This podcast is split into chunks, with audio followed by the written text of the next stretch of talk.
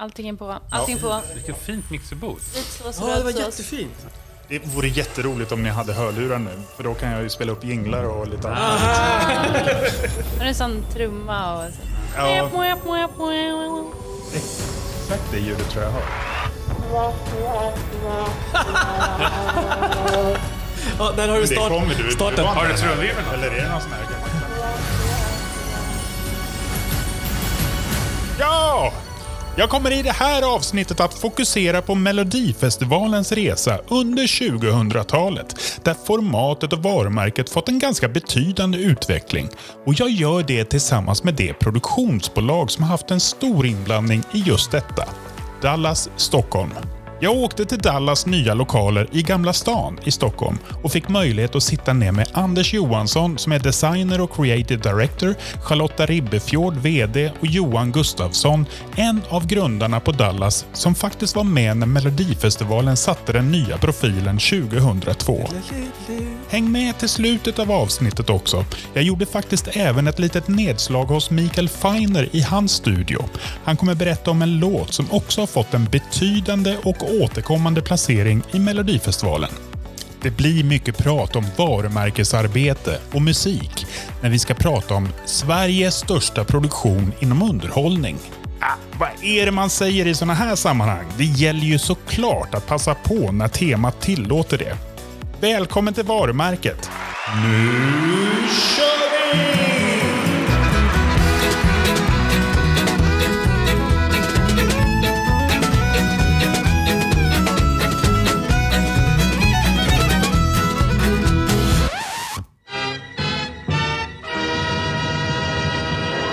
Innan vi stiger in hos Dallas Stockholm, ja då ska jag dra några korta fakta om hur Melodifestivalen faktiskt kom till. Det var 1956. Då genomförde man den första Eurovision Song Contest. Idén den kom från en man som heter Marcel Besenson som då kläckte idén med inspiration från den italienska musiktävlingen Sanremo-festivalen. Ja, den finns kvar än idag faktiskt. 1958 ja, då kom Sverige med för första gången i programmet Stora schlagertävlingen. Sverige representerades då av Alice Babs och melodin Lilla stjärna, en klassiker. I takt med att man fick fler och fler tv-apparater i svenska hem under 60-talet, ja då ökade naturligtvis tittandet och intresset för tävlingen. Det var lite olika namnbyten fram till 1967, men då fick den till sist namnet Melodifestival, som sen justerades till Melodifestivalen 2001. Det finns jättemycket att prata om vad gäller nostalgi såklart, men nu ska vi prata varumärket Melodifestivalen och den resa som varumärket har gjort med Dallas Stockholm under 2000-talet. Var börjar vi? Var, hur började ni jobba med Melodifestivalen? Hur så, när var vi i tiden då? Nu tittar jag på dig. Ja, jag får ta den där som jag var med då. Jag är så gammal. Men vi, vi blev uppringda. Vi hade jobbat med SVT med Bolibompa och lite sådana grejer. Eh, och så blev vi tillfrågade. 2001 är det här. På den tiden så var Melodifestivalen, den ambulerade mellan Stockholm, Göteborg och Malmö. Alltså de stora tv-husen. Och så fick man det på halsen alternativt att man fick möjligheten. Det är oklart vad, det var som var. Men om ni kommer ihåg, om någon kommer ihåg det, så var det, då var ju det inget brand som studsade runt. Utan det var så här, ja, den, den liksom designen eller dekormänniskan som stod och skräpade på Malmö TV fick väl ta det uppdraget av att göra någonting av, av frigolit. Är det här verifierade uppgifter? Nej, inte helt. Jag antar lite. Men så var det i alla fall. Utan det är liksom, den kunde se helt olika ut och det var väl, följde väl trender såklart. Och så, om ni kommer ihåg så var det också en orkester som satt i, i ett dike. Så den första som kom när vi hade tagit tag i det eh, eh, och SVT hade tagit tag i det, det var 2002. När Afrodite vann. Eh, Never let it go. Never, let it go. Never stop. Eh, final i Globen. Men då i alla fall så var, eh, hade man kommit på det här med att fan, vi kan göra någonting större av. Vi gör en turné eh, över flera städer. Eh, och det var väl både, tror jag, fanns en, en, redan då en, liksom en tanke om att här kan vi liksom göra ett, som ju public service ska, någon form av insats för att och höja intresset för städer och sådär. Så att det var en tidig idé att det här ska ju vara någonting attraktivt för, för liksom En samlande kraft. Ja, men lite så. En samlande kraft väl. Jag vet inte om den fanns då, Jo, men men, det- det har ju varit en, en, ett tema för dem. Så att, när, när vi fick höra om det och började prata hur kan vi sätta form på den och göra, och de ville så här tydligt, nu måste vi ha liksom, en branding på den. De ville göra en förändring. Verkligen. Som på alla tv-hus så sitter det folk och försöker komma på den nya eh, liksom programidén. Och då var väl det ändå så här att de hade väl ändå rätt många tittare. Här finns potential. Eh, och sen skulle jag gissa att musikbranschen eh, gick och drog i dem också. Det var ju ändå ett sätt att komma ut. Liksom. Men vad som hände då i alla fall var att de hade kommit på den här med flera städer, idén. Eh, Och då när vi skulle gå hem, och jag och Peter som jobbade främst med det och Johan som jobbade hos oss också. Vi, vi gick hem och funderade på hur vi skulle göra där och sen presenterade vi en idé som var egentligen den som fortfarande är i grunden då. Det var det här att det skulle, de fem färgerna som finns i loggan och den formen som det var, då var det i form mer av en krona. Anders har en massa skisser här vi kan titta på sen. Nej men, eh, vi snodde OS-grejen. Mm.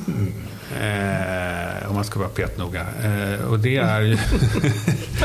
det är så man jobbar i den här branschen, det vet ju alla som gör det. Att man tittar sig omkring. Snor och gör det bättre. Ja.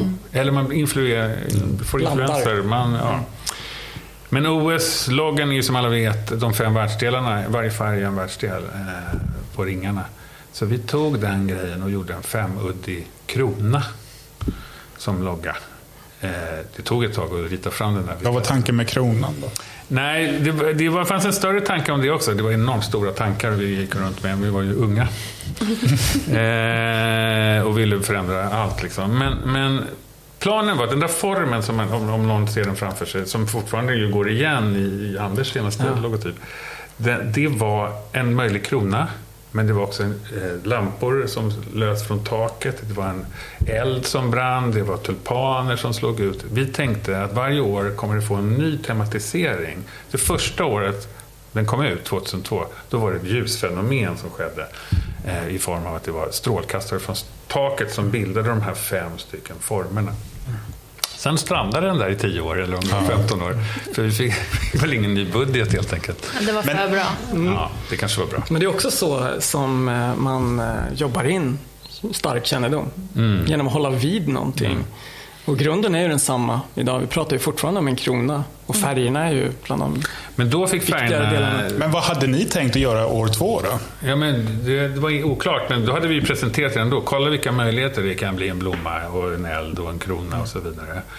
Och det tyckte väl de. Det, så är det ju alltid bra om man säljer in ett varumärke brand. Bra, det kan hända saker över tid. Det finns en lång liksom, utvecklingspotential i det här och så vidare. Så, att, så tror jag alltid vi försöker jobba med fortfarande. Att man så här, det ska finnas en möjlighet att ta det vidare. Det var nog någon kristalltanke där och allt möjligt. Eh, Så det var väl en del i införsäljningen av det. Bra, det finns en ytterligare potential liksom, med den här. Och sen så var det så att varje stad fick sin färg. Eh, Nu kommer jag inte ihåg vilka städer det var första året. Utan då var, om vi skulle då till Göteborg, då fick det bli den orangea staden. Och då hade vi också skissat ut orangea trafikskyltar och allting. Så att den verkligen skulle branda upp städerna. Det där gjordes till en viss del, så att säga. Och det där tror jag, det har Och även helt- på senare år har man jobbat Ja. med färger per, per stad. Var ni inblandade även i scen i- på Ja, plats? men vi jobbade alltid, och det har vi alltid gjort, i nära dem. Sen låter man de som är bra på det de är bra på att göra det. Men vi, vi förklarade såklart hela idén och liksom, eh, kom med input. Men, men eh, det där skenade ju sen. Det skedde ju också en ganska stor grej. Eh, 99 vann ju Charlotte Perrelli med Tusen och natt och då, då höjde man nivån på Eurovision. Och det där smittade av sig tror jag. Det kan säkert vara därför också som SVT sa okej, det här kan bli någonting större. Så det hade säkert med saken att göra faktiskt när jag tänker efter. Man minns ju så dåligt. Och tittarsiffror. Ja, tittarsiffror Det börjar bli stort på riktigt liksom. Men så dekoren blev ganska snabbt en ganska eh, stor grej i själva sändningen. Om man, jag, jag tittade faktiskt på 2002 nu.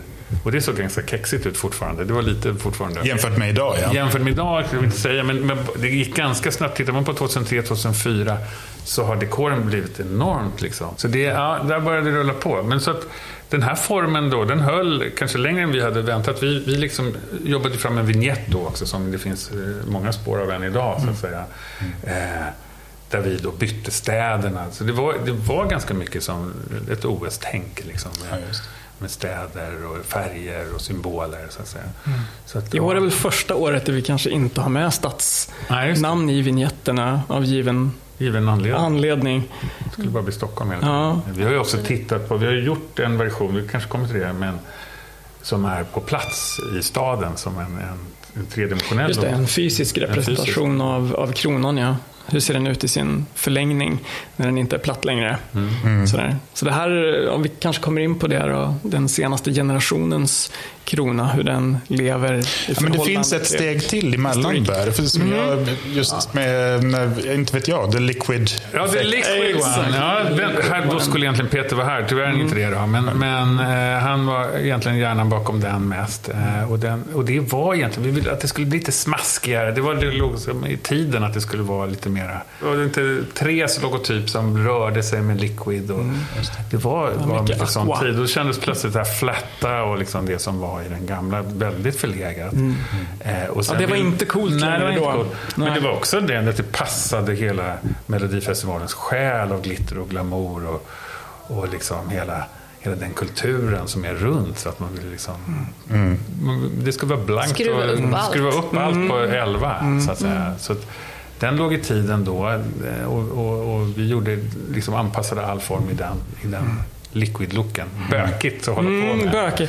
I 3D-grejerna var ju skitbökiga, men vi fick till dem till slut. Att liksom, för, ja, allt utvecklas. Så på den tiden var Liquid i 3D jäkligt mäckigt. Eh, Men det här har Men- hela men tiden varit, Men men ja. det här har hela tiden varit ett paket som måste förändras lite per år för att ha liv och dynamik i sig. Och just vätskemaneret tror jag var svårt att sätta liksom ny laddning i varje år. Eh, Så det var en del i, i, i briefen när vi 2015 började göra om till nuvarande identitet egentligen. Man vill ha någonting som var lite stramare igen. Alltså man behöver inte vara kanske lekfull i själva kronan, eh, själva kronans form längre, utan kan vara lekfull inom eh, dess gränser egentligen. Så. Men tanken om att föra in material och tematisera och sådär, den har ju funnits med hela tiden. Ja, när man Eh, tänker på det så var ja. den från start. Ju. Precis, och, och just i år, det är ju första året nu vi faktiskt ger den klär den i olika material, men den tanken har funnits med länge. Och Det är också någonting som man kan göra när man har levt eh, länge med att jobba in kännedom och sådär. Och nu är det ju fem, going six, tror jag, år med den här loggan. Och då kan vi göra det. Och så blev det ju speciellt i år också med pandemin eh, och att man då på SVT kände att man ville göra något större nummer kring grafiken när vi ändå är på en och samma plats i Annexet och jobbar mer med scenografi och vad man kan göra nästan i musikvideomässig väg på en scen. Då skulle det speglas i grafiken också. Och då fick varje program nu ett tema och motsvarande material. Det är också därför vi ser helt nya programledare varje gång. För att det är en helt ny laddning i Men energin. när, när du säger material där, vad, har du, kan du ge något exempel på hur, hur ser man det? Till exempel paljetter, eh, som deltävling 1 var. Deltävling 2 var speglar med en pussmun. Den vi precis har sett i lördags eh, var ju eh, lysrör som blinkar in. Eh, och det har vi jobbat både i vignett och i wipes med och på sociala medier ju. Ja. Det blir ovanligt mycket sociala medier-uttag nu i år. Och, ja. Exakt. Det var en massa med det här. Du har faktiskt fått flyga ovanligt mycket. Det kanske behövdes Ja. lite extra hjälp i år. Med, Ja, men precis. Men det Mycket behövs i förpackning, appen, liksom. det, Det behövs behövs, i Mm. SVT Play, det behövs på alla ställen och liksom ladda. Jag tycker att det var också ett ganska bra sätt att bygga in ett speciellt år som inte bygger på att det är avskalat bara, utan snarare våga dra upp och Mm. göra extra extra fe- festligt, extra mycket liksom, attention till det som händer i bild. När vi inte har en massa svepande roliga publikbilder med folk med ballonger, det är inte folk med boor och liksom hela den här eh, publikladdningen som finns i rummet. Eh, de har ju också satsat mycket på scenspråket som de även har framhållit i programmet hur det går till och hur det ser ut. Eh, Så det är, det är spännande. På ett sätt så blir det liksom ultra-tv-tv. Eh, Men också scenshow. Ehm, Och för oss var det ju väldigt roligt att äntligen få som Anders sa, den här idén med att klä loggan i olika material fanns från början. Eh, den Det är det vi ser här, jag vill bara visa en bild från presentationen 2015. Och det här är då som det var tänkt. Det här är inte den slutliga eh, formen på loggan heller från 2015, utan det här var fortfarande under eh, work in progress kan man säga då. Men bara för att visa att vi tänkte att här kan man ladda respektive band i kronan som har varsin färg kan ju naturligtvis också få ett material. Eh, För det är så vi har jobbat i, i vignetten också, den här leken mellan vad är platt och vad är fotografiskt och finns det något möte däremellan? Ja, det är pulverfärgat. Pulver. Ehm, Kan man tända eld på den? Vad händer då? Sådär. Hur blir den fysisk och vilka fysiska egenskaper har den inom en on? Var det här 2000? Det här är 2015 då, första konceptpresentationen. Var det då också? Så kom det här brinnande hjärtat också. Perfect Fools tror jag det var som jobbade med appen då och jobbade med en interaktiv version av hjärtat och visade med grafik till den.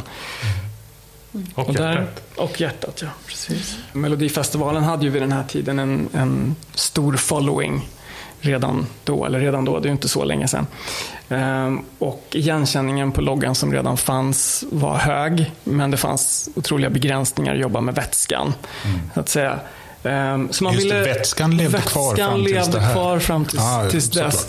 Så man ville strama upp det. Alltså gå tillbaks egentligen lite till den generation logotyp som vi pratade om tidigare, 2000, vad kan det ha varit, 11. Eh, och, eh, så, så vi svarade på det med att rita upp en hel uppsjö olika varianter på en krona som hade de egenskaperna. Det fanns också brister i vätskelogotypen i form av applikation. Hur jobbar man med högdagrar och skuggor när någonting ska sitta på en chipspåse och en jacka och, och alltid funka med upplösning och sådana här tekniska aspekter. Ehm, Så kravet var olika från olika håll så att säga. Jag ska se om jag har ytterligare någon. Ja, men jag tycker här. det är en fin grej med varumärken. Om man, tittar, om man lägger den gamla bredvid den nya står de mittemellan, då skiljer det sig sjukt mycket. Men upplevelsen hos konsumenter är ungefär att nej, men det där väl, har väl inte hänt så mycket. Man anpassar sig väl ganska ja, lätt men det går också. rätt fort ändå. Ja, men här har vi lite pennritade exempel på eh, några olika familjer som kanske liknar 2011 års logotyp mer. Eh, och någonting som tar det vidare, sista raden här, tar det ju vidare in i någonting vi kanske inte har sett förut. Eh, när jag skissade på det här så försökte jag också få in en M-form. Det tycker jag inte riktigt hade funnits i den med strålkastare och tulpankänslan och sådär. Utan man pratar enbart om en, om en krona egentligen. Eh, men här ser vi några bilder på när den verkligen börjar ta form. Jag tycker man kan se sådär, ja men här, det är ju någonstans här vi har hamnat och sen förfinat och utvecklat i olika steg. Då. Jag minns också att det, som du ser så, så finns det ytterligare två toppar i kronan närvarande som kommer från arvet. Och hur kan man jobba med dem? Ska de sitta fast i grundformen eller inte? Och så kom vi till slut fram till att de, de steker vi. Just för mycket att vi vill på sikt kunna jobba fysiskt med den här loggan. Som Johan var inne på så står den ju på vissa torg, alltså inte just nu men, men annars när det sker en turné. Ehm, Det ska produceras. det ska produceras. Så, och vi ville, vi ville inte hamna i samma fälla som vi gjorde med vätskeloggan, att den plötsligt är svårjobbad. Utan det var viktigt att svara upp mot det här kravet. Då.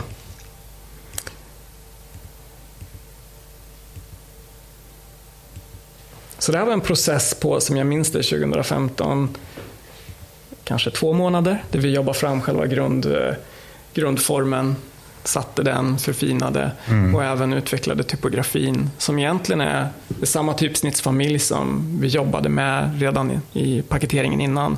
Unicode heter den ehm, familjen, men vi valde en kondenserad vikt till slut eh, och jobbade med fler vikter, några tunnare vikter också för en, en utveckling men ett tydligt arv då.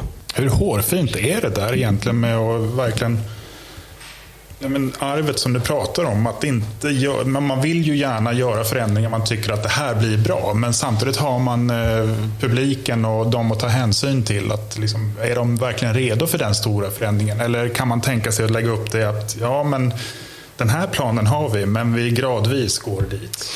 Jag tror att många inte ser en skillnad överhuvudtaget om jag ska vara ärlig. För att förändringen sker i så många olika små steg. Och så länge det finns en tydlig tråd genom alla rebrands som gamla Sibylla-varumärket är ett bra exempel. Man, man, tittar man på hur det såg ut från början och hur det sen ser ut idag så är det ju stora skillnader. Men när man har förändrat den löpande så kanske man inte ser det på samma sätt. Det är väl som att se sina barn växa upp. Eller Ja, sådär. Um, så jag, jag upplever att den har mottagits väl. Och sen finns det ju alltid några som försöker så här, hänga upp den på, är det för likt det här? Eh, det, var, det fanns några sådana kopplingar vet jag, så här, som vi utforskade. Liksom, är den för lik? Jag minns inte exakt vilka det var nu. Men... Generellt sett, folk gillar det där varumärket ganska mycket. Det har aldrig varit så här... Liksom det är väldigt älskat ändå, märker man ju. Det är ju, det är ju rätt tacksamt då. För... Ja, just nu så tatuerar ju folk in den. Så det är väl det yttersta Ja, det beviset för likability. Ja. Om man tittar tillbaka så känns det gamla väldigt gammalt. Ja. Så, och då är det ju så här, ja, då blir det Ja. inte något problem. Men när vi, när vi Bolibompa, för att ta den gamla historien, då, det var så här folkstorm på Expressen. Ja. Och sen tar det några veckor så tycker, älskar folk den istället. Så Mm. det är ju lite så här vad det gäller förändring ibland. Ja, Det finns ju någonting kvar som är väldigt, väldigt eh, kraftigt och det är färgerna. ja. De är, det är fortfarande samma färger eller? Ja, de är lätt tweakade Ja. för tydlighet och särskiljning. Men det finns till exempel två stycken väldigt snarlika rosa i den om man ska vara picky. Sådär, idag då. Ehm, Men absolut, färgerna är ju grunden i den och kronformen. Hela den här processen, även från när det började, så ljudbilden förändrades ju ganska stort också.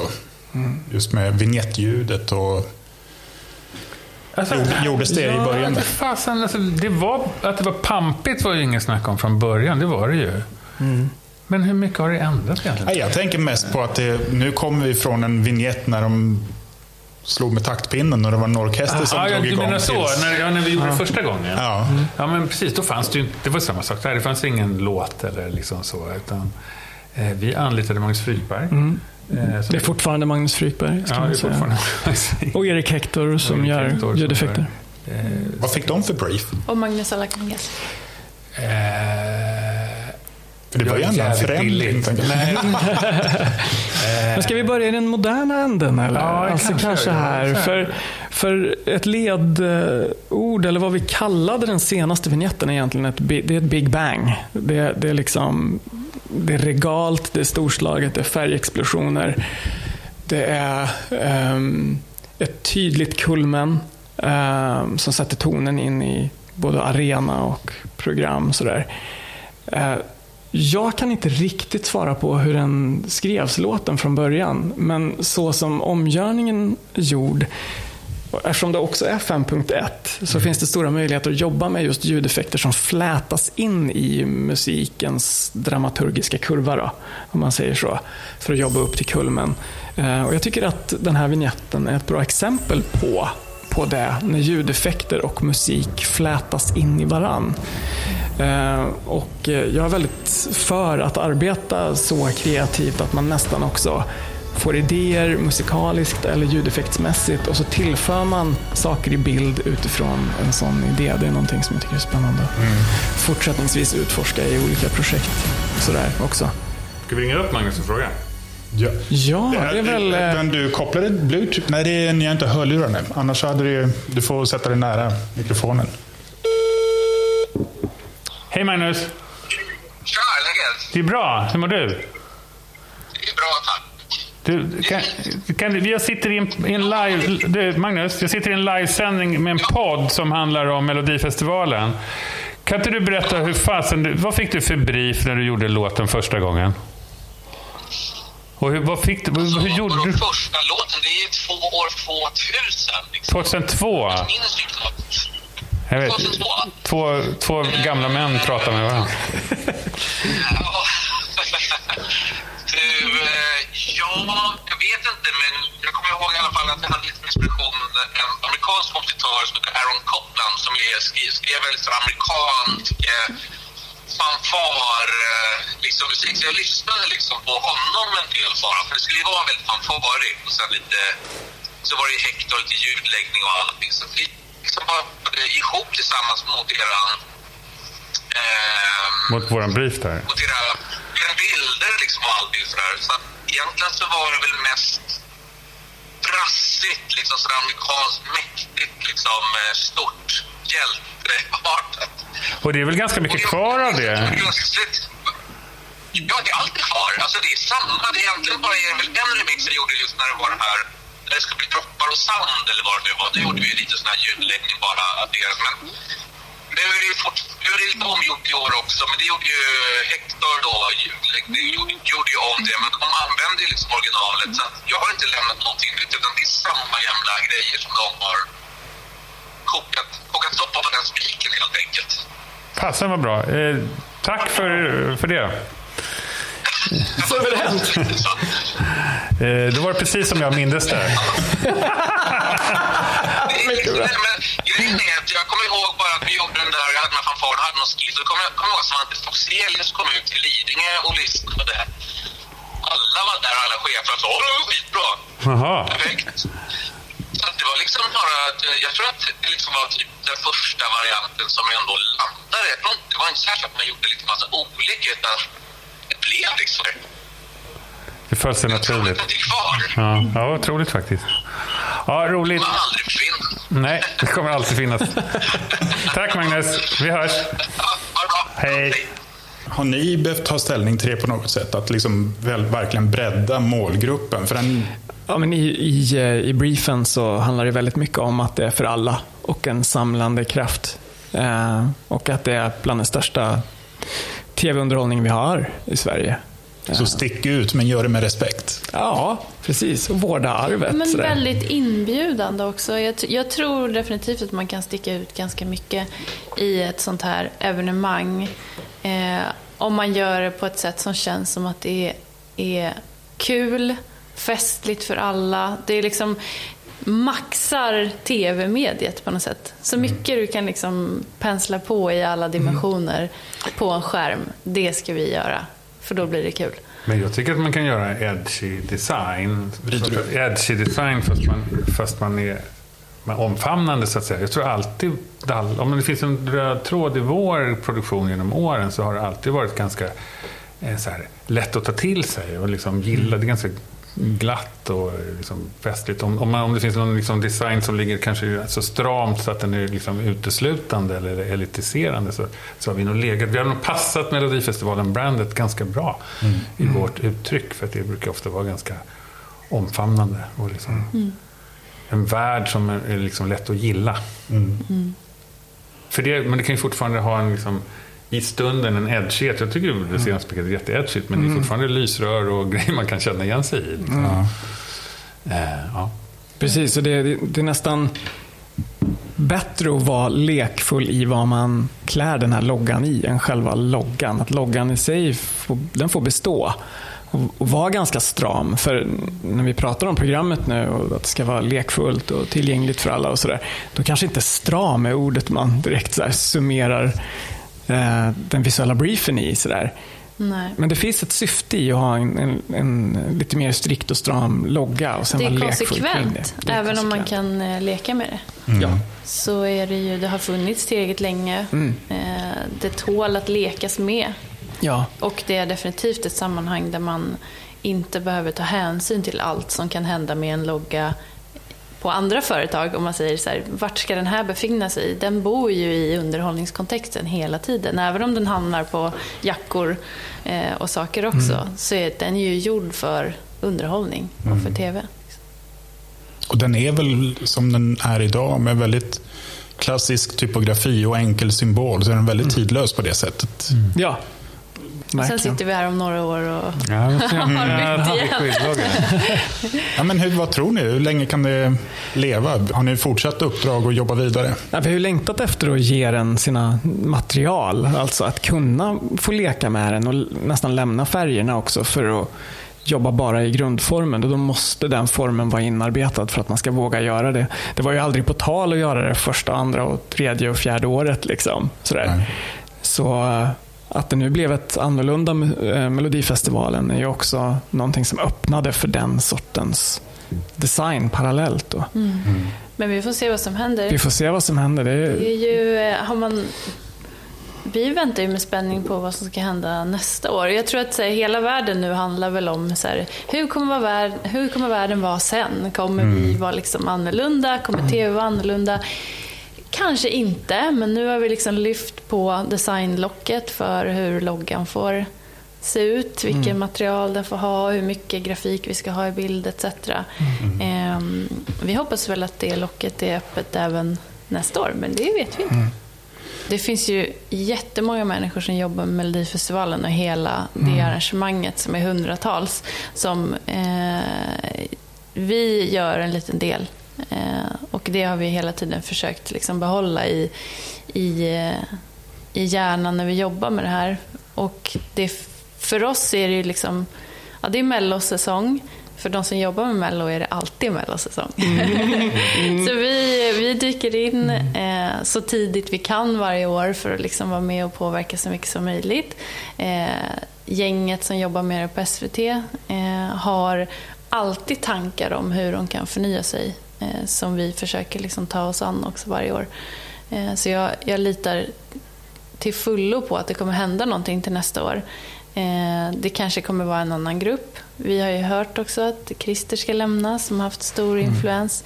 Men det är ju ett helt gäng till. Eh, Men det som är roligt är också att det är alltid, de tycker det är väldigt roligt att jobba med de här grejerna. Så när de kommer till oss så det är ganska det finns säkert många delar i det där som är kanske lite mer betydligt administrativa och liksom så här. Men när de kommer till oss och får hålla på och gosa med loggan och göra grejer. Det är, det är väldigt mycket glädje i rummet. Och, ja, ni som är med oftare än mig, så Ja. det är väldigt Det är väldigt lustfylld roligt. process. Och de, liksom, jag antar att det finns väl något i, i våra väggar som de också tycker är skönt att vara i. Att liksom, men ni har ju varit med från start. Det är många som är med från start även Mm. där. Då. Christer har varit med länge. Eh, och så här. så att det, jag tror att det finns något liksom väldigt så här varmt i hela den här produktionen som, som, som, som går igen. Och så här. Men då gillar man att ha, det är vi, det är ju vårt gäng som gör den här, det här som joxar med det här varumärket. Så vi, det fylls ju också av själar på något sätt. Ja, absolut. Eh, utöver formen så att säga. Men det märker man på plats också. Förra året så var jag i Eskilstuna eh, på den sändningen och fick träffa folk bakom och gå runt och känna in liksom stämningen i, i bussen. Och Det var allt. Hall of Fame-sändningen, eller? Ja, det var det. Det var Ja. Andra chansen i Eskilstuna när också den guldstjärnan eh, dök upp. Det var ju ett sätt att hedra. Eh, och det var ju väldigt roligt att se dem lyfta den i sin hand. Eh, den eh, har ju sitt ursprung i, i loggans form. Det har den. Man ser Eh, släktskapet. Den kallas för Guldstjärnan eh, och den är liksom en vi hade en, en tanke, det vet ju Anders mer om, men att man, ja precis, man skulle kunna Man ska ta den kunna och resa den, den. mot Ja. skyn. Man ska kunna hålla i den. Man skulle kunna sätta ihop flera stycken så att det bildar en, eh, en stjärna. Ja, men precis. Tillsammans så skulle de bilda en stor stjärna. Så vi pratade om den som en, som en del i en större stjärna. Ja, en stjärnudd. Eh, lite som en symbol för att eh, det är flera personers gärningar som gör eh, en artist och så vidare. Ibland när man säljer in saker som ska få allting. Alltså det roligaste man kan göra är ju att sälja in att det här kan hända och det här kan hända och det här kan hända med designen. Och så ju närmare man kommer en finalprodukt, ibland så kan det vara så att saker och ting skalas av.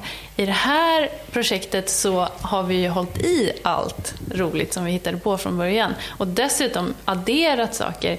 När vi gjorde ballongversionen till exempel, då, eh, då ville ju SVT gärna att en ballong skulle gå sönder. Och det är väldigt kul. Ja. Att ha en kund som är beredd att leka med sitt eget uttryck och beredd att liksom ta in idéer som kommer från, från oss. Det är väldigt lekfullt. Mm, väldigt lekfullt. Jag tycker att det tyder på väldigt mycket självförtroende. De vet vad de har, de kan sin publik, de har gjort det här länge.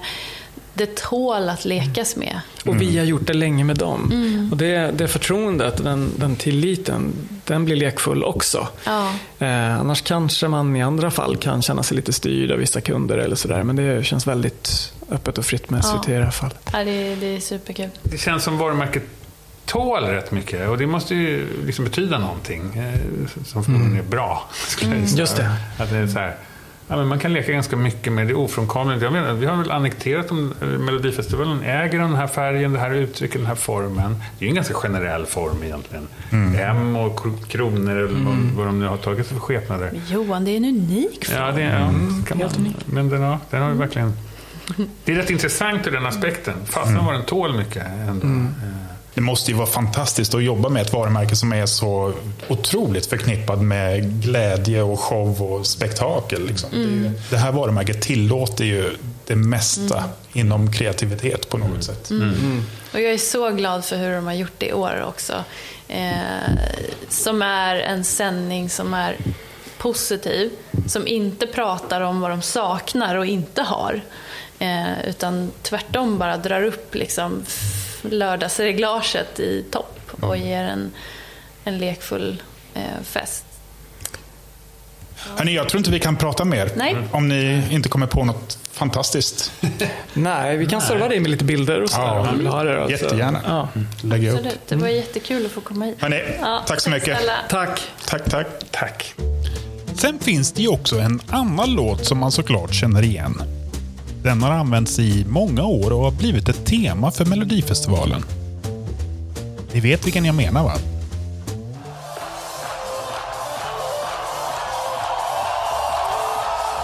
På Sankt Eriksplan i Stockholm där har Mikael Feine sin studio.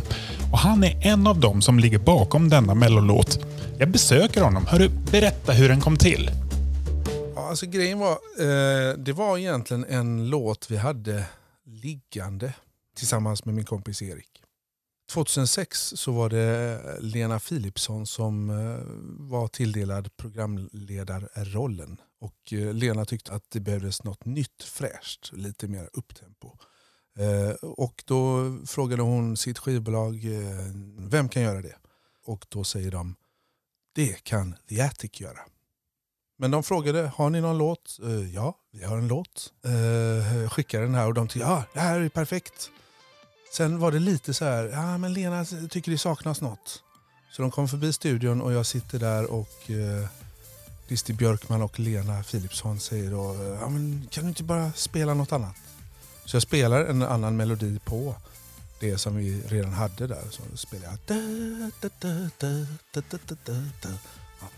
Ja, det blir bra. Det blir bra. Det tar vi. Så eh, fick jag väl finslipa lite på det eh, när de hade gått och eh, göra klart det. Liksom. Och sen skickade jag över det till dem och alla blev glada. Och på den vägen är det. Och sen blir man förvånad varje år. Den är med. Jaha, den är fortfarande kvar. Ja, men det är kul. Man blir lite glad att det är roligt när ens musik når ut till folk. Och det där når ju faktiskt ut till många. Sen är det ju knappt någon som vet om att man har gjort det. Om man inte säger det.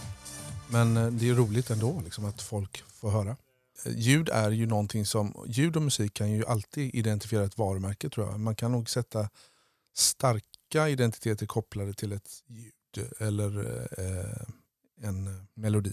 En liten slinga. När får vi höra dig i Melodifestivalen nästa gång? Då? Ja, det vet inte jag. Man ska aldrig säga aldrig, men jag har inga ambitioner just nu. Så att, eh, det räcker kanske de gångerna jag har varit med. Typ eh, varje gång då? Just det, ja, just det, jag har ju varit med varje år. Det räcker så, tycker jag. man ser mig inte. Man får höra lite bara. Mikael Feine, stort tack för att du var med. Tack ska du ha.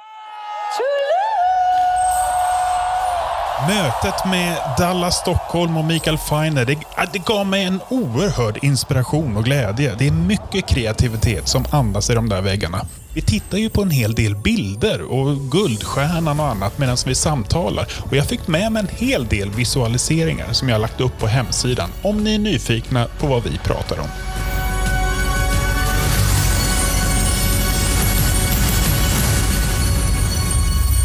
Melodifestivalen är över för i år. Ja, svenska finalen den var i lördags och nu har vi en vinnare som ska tävla för Sverige i Eurovision. Allt är som det ska. Hoppas nu verkligen att inte pandemin sätter stopp för det här i år. När det här avsnittet spelades in då hade inte finalen varit. Men jag hade min favorit och det hade de på Dallas Stockholm också när jag träffade dem. Vi får se om jag hade rätt eller inte. Håll gärna koll på våra sociala medier så ska jag berätta hur vi tippade. Märkte ni förresten att det blev väldigt tätt mellan det här avsnittet och förra som handlade om snowracen? Det var bara några dagar emellan. Mellofinalen gav mig en spark i baken, så det fick bli så. Nu ska jag fortsätta jobba på fler varumärken, så om vi alla tar hand om varandra och dagarna flyter på, ja då hörs vi snart igen. Tack för att ni lyssnar. Oj!